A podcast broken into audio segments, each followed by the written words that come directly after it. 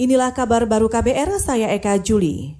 Saudara Menko Polhukam Mahfud MD mengatakan, kebijakan pembatasan sosial berskala besar dikeluarkan sesudah Presiden Jokowi menyatakan Indonesia berstatus darurat kesehatan masyarakat. Mahfud MD menegaskan, aturan itu akan membatasi pergerakan orang dan barang. Setelah negara dalam keadaan darurat kesehatan inilah kemudian muncul pilihan strategi yang diatur oleh undang-undang, yaitu pembatasan sosial berskala besar.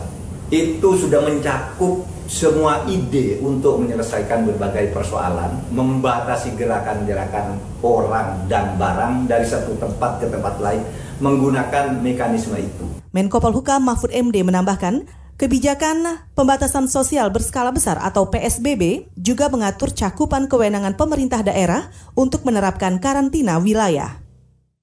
Saudara, Bandara Internasional Soekarno-Hatta membatasi operasional Terminal 1 dan 2 mulai hari ini sampai 29 Mei mendatang.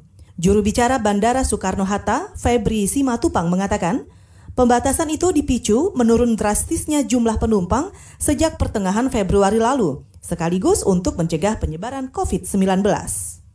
Bandara Soekarno-Hatta ya, seperti di Terminal 1A dan B saat beroperasi. Namun terhitung besok itu terminal 1B kami shutdown dan terminal 1A uh, eh, tetap dibuka sehingga maskapai seperti Lion Air, Airbus dan Trigana itu akan uh, pindah ke terminal 1A semuanya.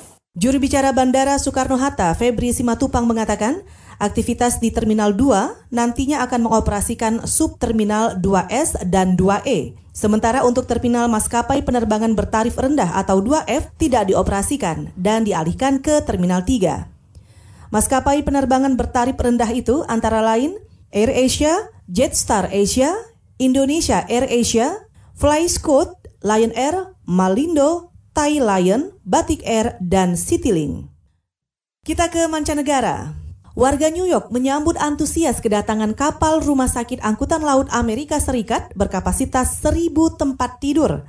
Warga menilai kapal rumah sakit itu bisa ikut membantu penanganan pandemi COVID-19. Kemarin, kasus positif COVID-19 di Amerika Serikat mencapai 187 ribu, dengan jumlah kematian melampaui 3.800 kasus. Kapal rumah sakit Angkatan Laut itu sebenarnya merupakan kapal tanker minyak yang dikonversi menjadi rumah sakit dan dicat putih.